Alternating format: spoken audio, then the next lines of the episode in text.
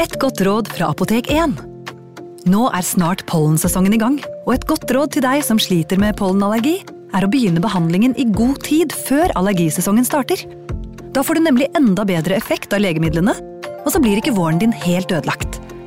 Kom innom og få råd på ditt nærmeste Apotek 1, eller chat med oss på apotek1.no. Apotek 1 vår kunnskap, din trygghet.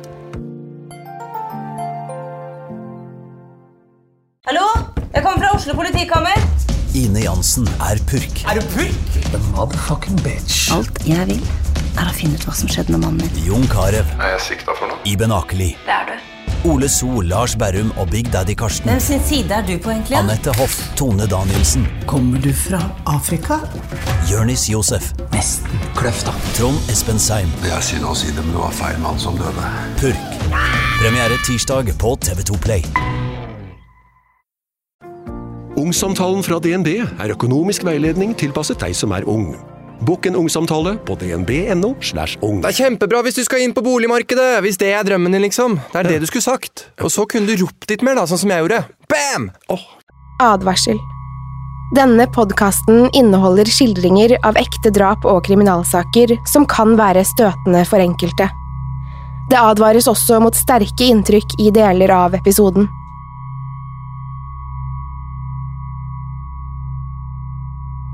Solen forsvant bak åskammen idet den enslige bilen rundet svingen ved skogkanten. Det hadde vært en kjølig januardag, men den franske solsteken hadde varmet gjennom ettermiddagen for det.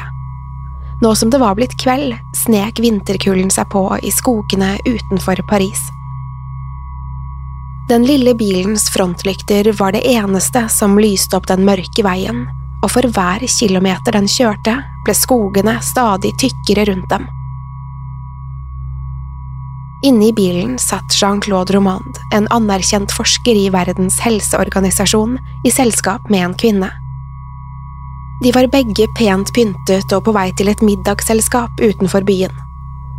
Plutselig hadde den tynnhårede og bebrillede Jean-Claude brått svingt inn på en rasteplass. Han smilte litt beskjeden til kvinnen og beklaget seg. De hadde visst kjørt seg vill, og nå ante han ikke hvor de var. Kvinnen vridde seg litt ukomfortabelt i setet og ga Jean-Claude et stivt smil tilbake. Egentlig hadde hun ikke tenkt til å bli med, men Jean-Claude hadde vært hyggelig og invitert henne, og han hadde hjulpet henne med å investere pengene sine i fond, så hun følte hun skyldte ham dette. Det var jo bare en middag. Idet Jean-Claude tråkket ut av bilen for å få tak i hjelp, ba han kvinnen gå ut også, slik at hun kunne få litt frisk luft. Hun sukket, trakk kåpen sin godt rundt seg og åpnet bildøren. Hun tente seg en sigarett mens Jean-Claude begynte å rote etter noe i bagasjerommet. Det var da hun plutselig kjente noe stramme seg om halsen hennes. Nå var hun fanget, langt ute i villmarken, uten et levende menneske på mils avstand, og repet om halsen hennes strammet stadig hardere. Velkommen til True Crime Podden.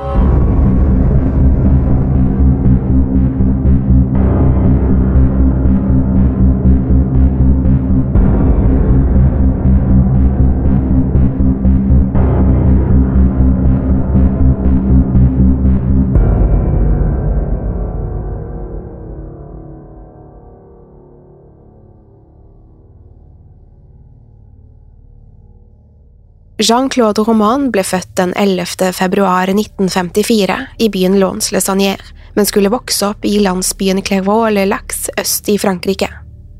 Han skulle få en relativt vanlig barndom, med støttende foreldre som alltid gjorde det de kunne for å hjelpe ham. Likevel ble det sagt at Jean-Claude aldri var spesielt lykkelig som barn. Han slet med depresjon og angst, men fortalte aldri noe om det til foreldrene, i frykt for å skuffe dem. Dermed skjulte han følelsene sine så godt han kunne. Det skulle bli den første av Jean-Claudes mange løgner, og derfra bare eskalerte det.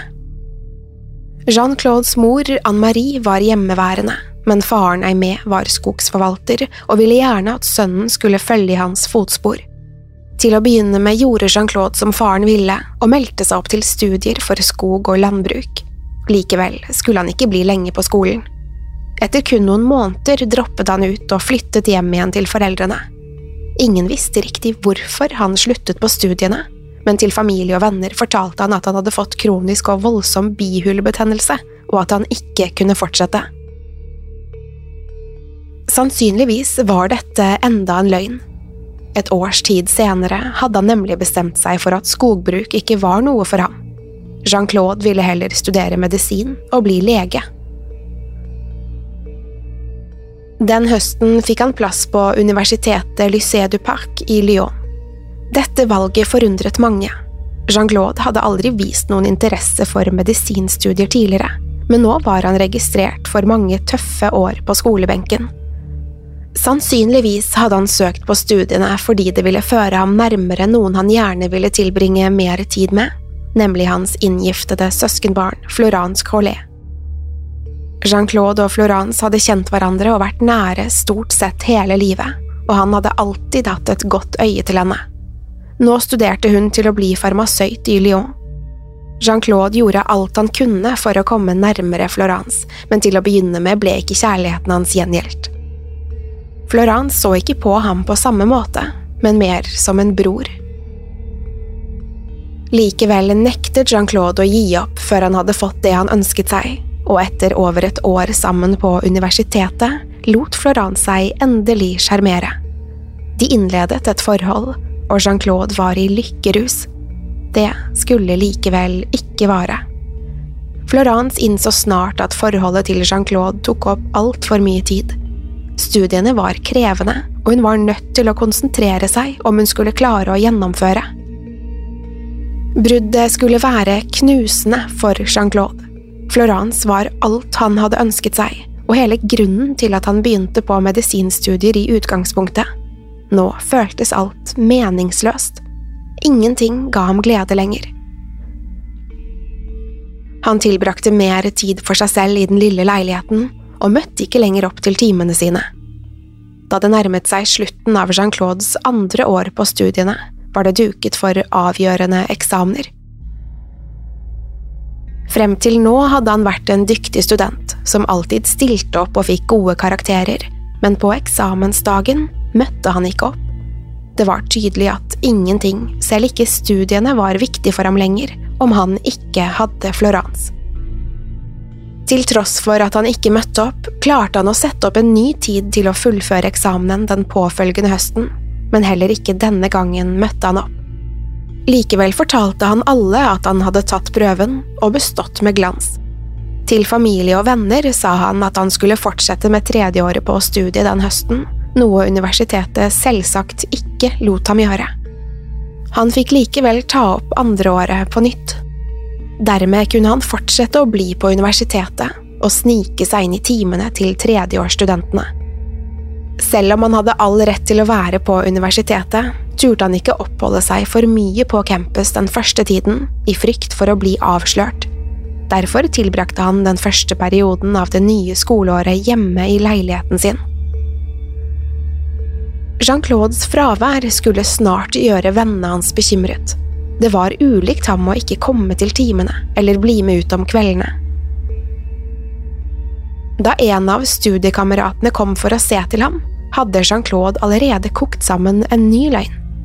Han påsto at han hadde blitt diagnostisert med kreft og ikke hadde overskudd til å møte fysisk til timene. Da kameraten ville vite hvorfor han ikke hadde sagt noe tidligere, sa Jean-Claude at han ikke ville være til bry for noen. Denne nye løgnen skulle føre til uventede og gledelige konsekvenser for Jean-Claude. Det skulle nemlig føre ham og Florence sammen igjen. Da hun fikk høre om Jean-Claudes angivelige sykdom, kom hun straks tilbake til ham av ren omtanke. Snart var de igjen blitt et par, og livet smilte nok en gang til Jean-Claude. Etter dette møtte Jean-Claude mye oftere opp til timene ved universitetet. Likevel skulle han aldri gjennomføre den avgjørende andreårseksamenen. Han fortsatte bare å melde seg opp til andreåret igjen og igjen, mens han fortalte alle at han gikk videre i studieløpet.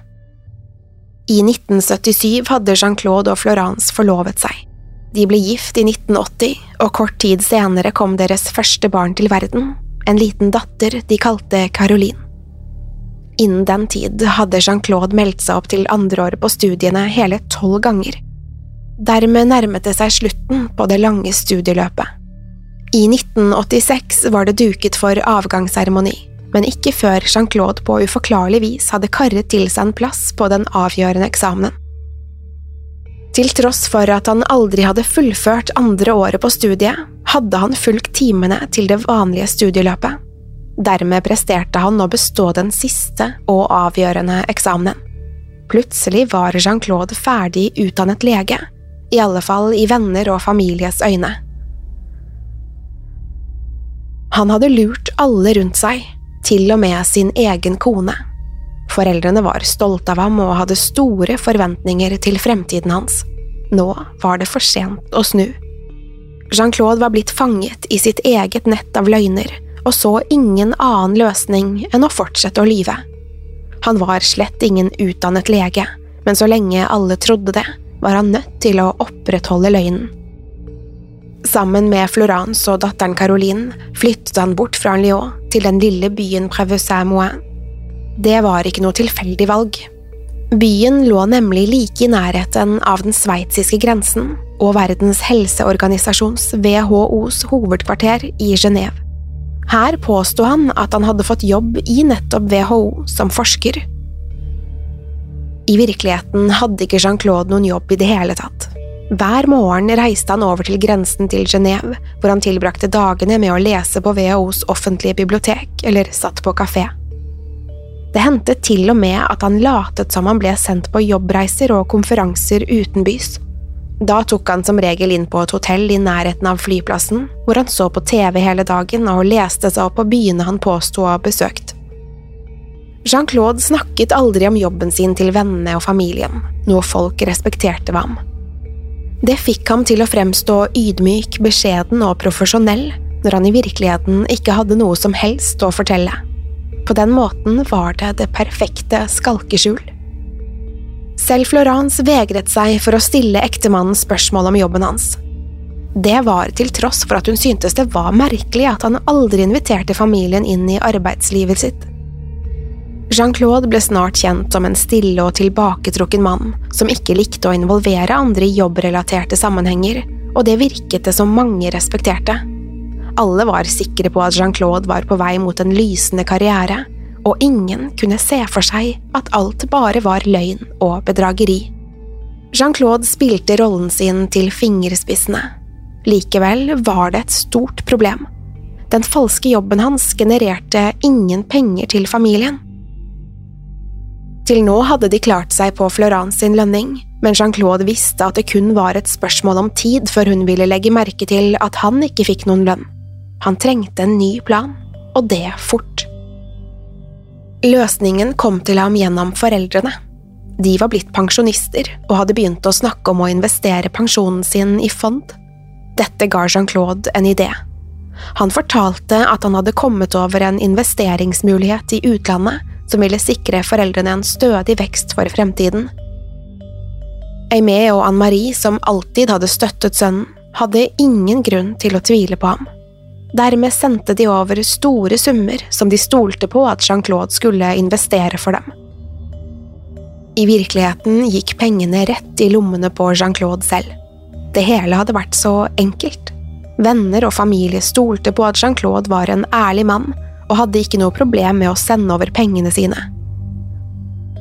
For Jean-Claude selv virket det ikke som det kostet ham en eneste søvnløs natt å svindle sine egne foreldre. Dette var muligheten han hadde ventet på, og han hadde ikke tenkt til å gi seg der.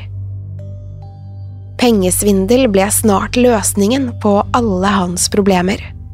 Det var ikke kun falske investeringsmuligheter Jean-Claude lurte sine nærmeste med. På et tidspunkt hadde Florans onkel blitt syk av kreft og hadde kommet til Jean-Claude for hjelp.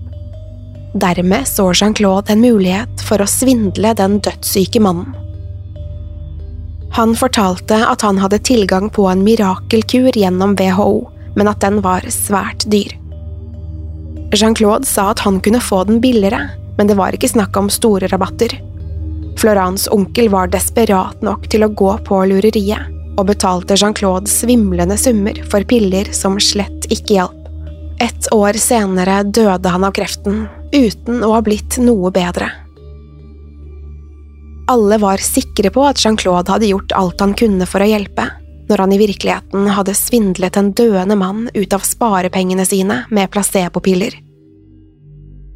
Sorgen innad i familien var stor, men alle takket Jean-Claude for forsøket på å redde mannen. Nå hadde han igjen fylt opp kontoen med uærlige penger, men denne gangen var de også blodige. I 1986 kom Jean-Claude og Florence andre barn til verden, en gutt de kalte Antoine. Den lille familien var blitt større, noe som førte til at Jean-Claude trengte stadig mer penger. Nok en gang skulle en løsning omtrent falle i hodet på ham. Omtrent på samme tid hadde nemlig Florence sin far Pierre bestemt seg for å investere sin egen pensjon i fond. Han hadde hørt hvordan Jean-Claude hadde tatt seg av sine egne foreldres penger, og nå ville han at Jean-Claude skulle gjøre det samme for ham. Jean-Claude tok gladelig mot pengene, og nølte ikke med å fortelle hvor mye Pierre kunne tjene på investeringene. Det var bare én detalj han ikke hadde regnet med. Et års tid senere hadde Pierre nemlig kommet tilbake til Jean-Claude og bedt om å få ta ut noen av pengene for å kjøpe seg en ny bil. Jean-Claude fikk straks panikk. Dette hadde aldri skjedd før. Ingen hadde så langt bedt om å få pengene sine tilbake, og nå visste han ikke riktig hva han skulle gjøre. Pengene fra Pierre var for lengst brukt opp, og Jean-Claude hadde ingen planer om å sponse ham med en ny bil. Det så ut til at løgnene hans var i ferd med å rase sammen rundt ham, om det ikke hadde vært for at skjebnen tilfeldigvis hadde trådt inn. Ifølge Jean-Claude hadde han vært på besøk hos Pierre alene den 23. oktober 1988, da Pierre plutselig hadde snublet i trappen. Den gamle mannen hadde rast ned fra toppen av trappen og brukket nakken, og døde før ambulansen nådde frem. Til venner og familie påsto han at det hele hadde vært en tragisk ulykke, og ingen hadde noen grunn til å mistenke noe annet. Dermed var Jean-Claude kvitt problemene sine på mirakuløst vis.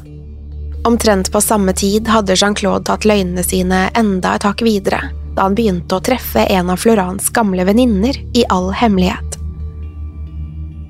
Til å begynne med virket kvinnen slett ikke interessert i Jean-Claude på den måten, men etter at han begynte å bruke store summer på gaver til henne, løsnet hun sakte, men sikkert.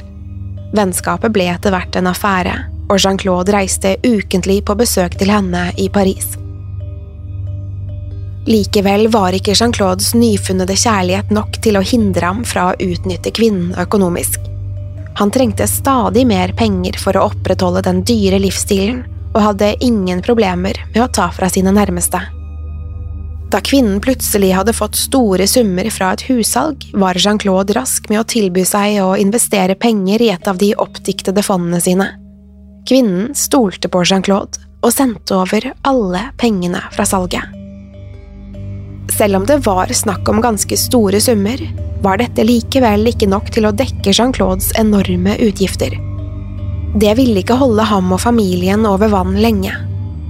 For hver dag som gikk, minsket beløpet på Jean-Claudes konto, og hans panikk og angst vokste i takt med utgiftene.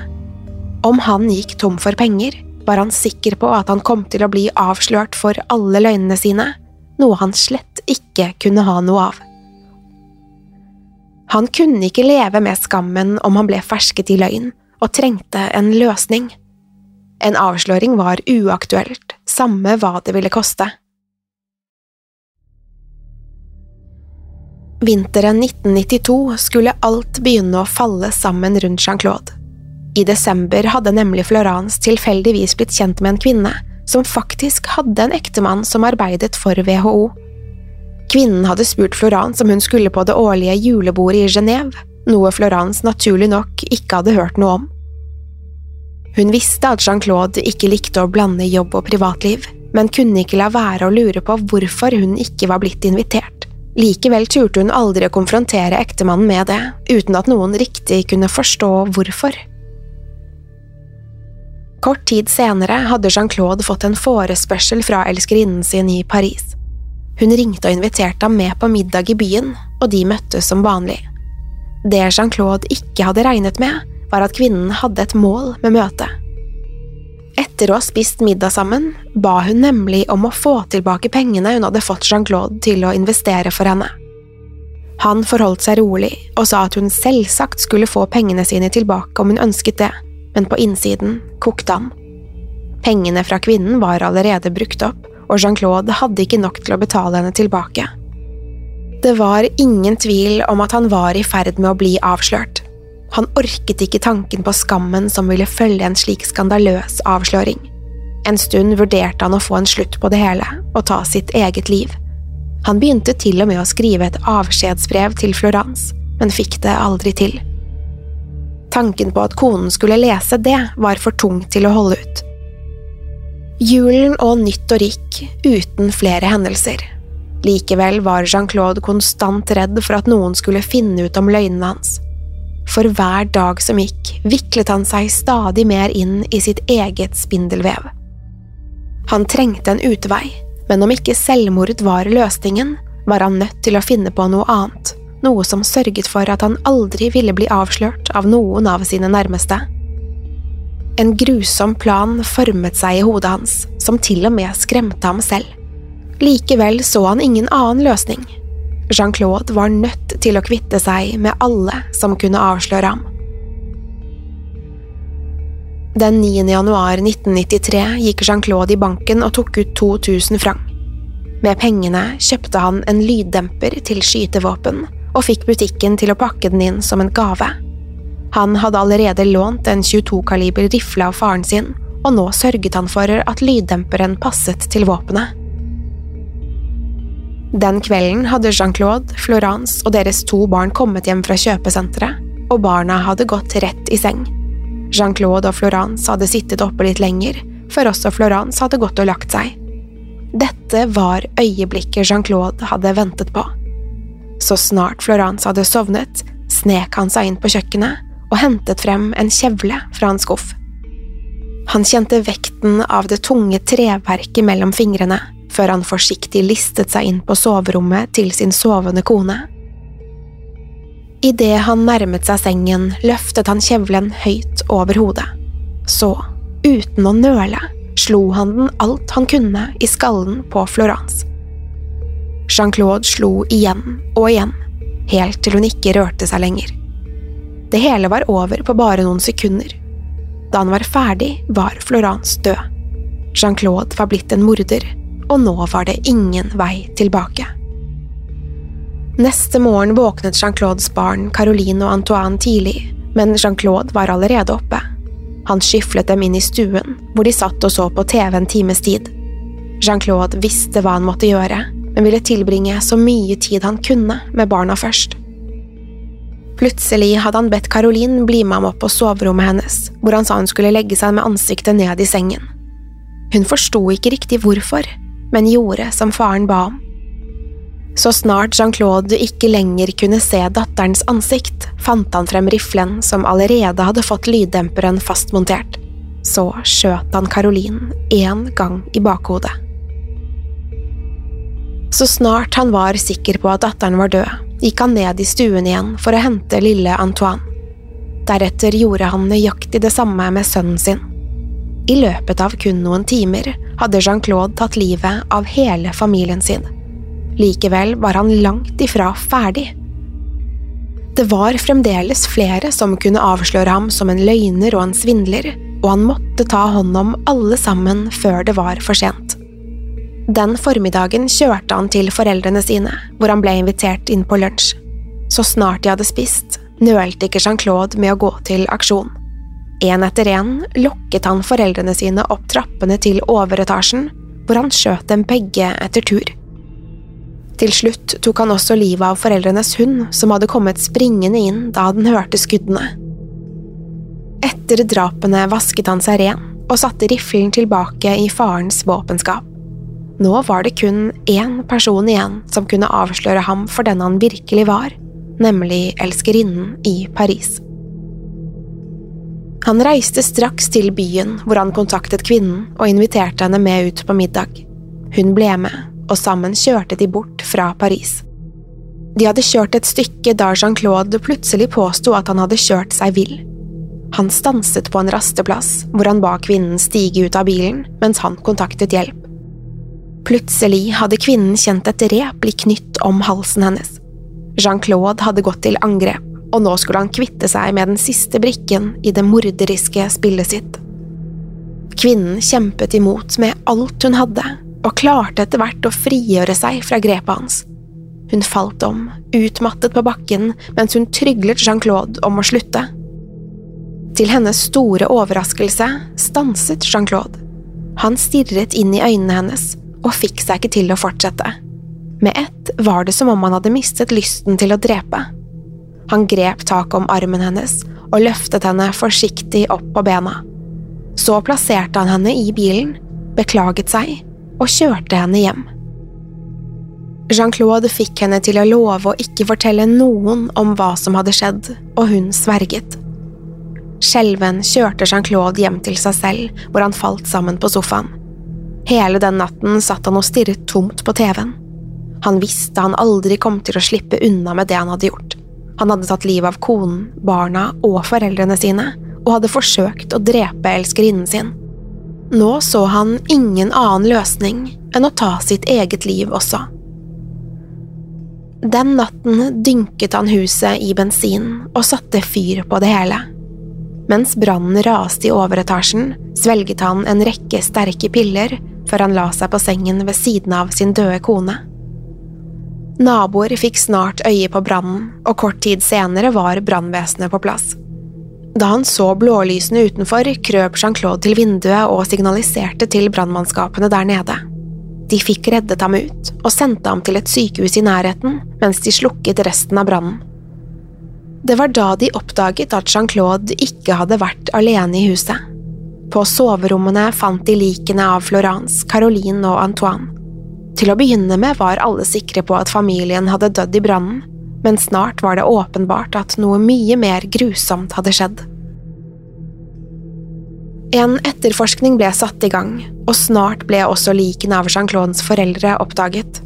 Det var tydelig at noe forferdelig hadde skjedd, og den eneste som kunne hjelpe politiet å finne sannheten, lå med alvorlige røykskader på et sykehus i Genéve. Jean-Claudes liv og løgner ble straks nøstet opp i av politiet. Det krevde lite å finne ut at han slett ikke var utdannet lege, og at han ikke arbeidet for WHO. Det var tydelig at Jean-Claude var en løgner, og at alt han sa måtte tas i betraktning av det. Politiet reiste straks til sykehuset og avhørte ham, og igjen forsøkte han å spinne nye løgner. Han påsto at en maskert mann hadde tatt seg inn i huset, tatt livet av familien hans og satt fyr på alle sammen, men politiet trodde ikke på ham et sekund. Etter kun syv timers avhør med konstant press fra politiet, klarte de å knekke ham. Jean-Claude innrømmet alt sammen, og da var det som han ble en helt annen mann. Hele livet hadde han løyet og bedratt, men nå kunne han endelig gi slipp på alt sammen. Innrømmelsene kom på løpende bånd, om den falske jobben, svindlene og drapene. Jean-Claude ble arrestert så snart han var frisk nok til å reise fra sykehuset, og rettssaken mot ham startet sommeren 1996. Det skulle kun ta noen dager før retten hadde funnet ham skyldig i drapene på Florence, barna og foreldrene. Jean-Claude ble dømt til livstid i fengsel, med mulighet for prøveløslatelse etter 22 år. I 2019 skulle Jean-Claude bli løslatt på prøve med fotlenke. Innen den tid hadde han hengitt seg til religion og blitt tatt inn av et katolsk kloster. Jean-Claude hadde løyet hele sitt liv, til et punkt hvor han selv slet med å vite hva som var sant og ikke. Den dag i dag er det mange som ikke tror på at han er blitt rehabilitert, og at konverteringen hans kun er enda en av hans mange løgner. Det eneste som er sikkert, er at Jean-Claude Romand nektet å la seg selv bli avslørt, og at han var villig til å ta livet av sin egen familie for å holde på hemmeligheten.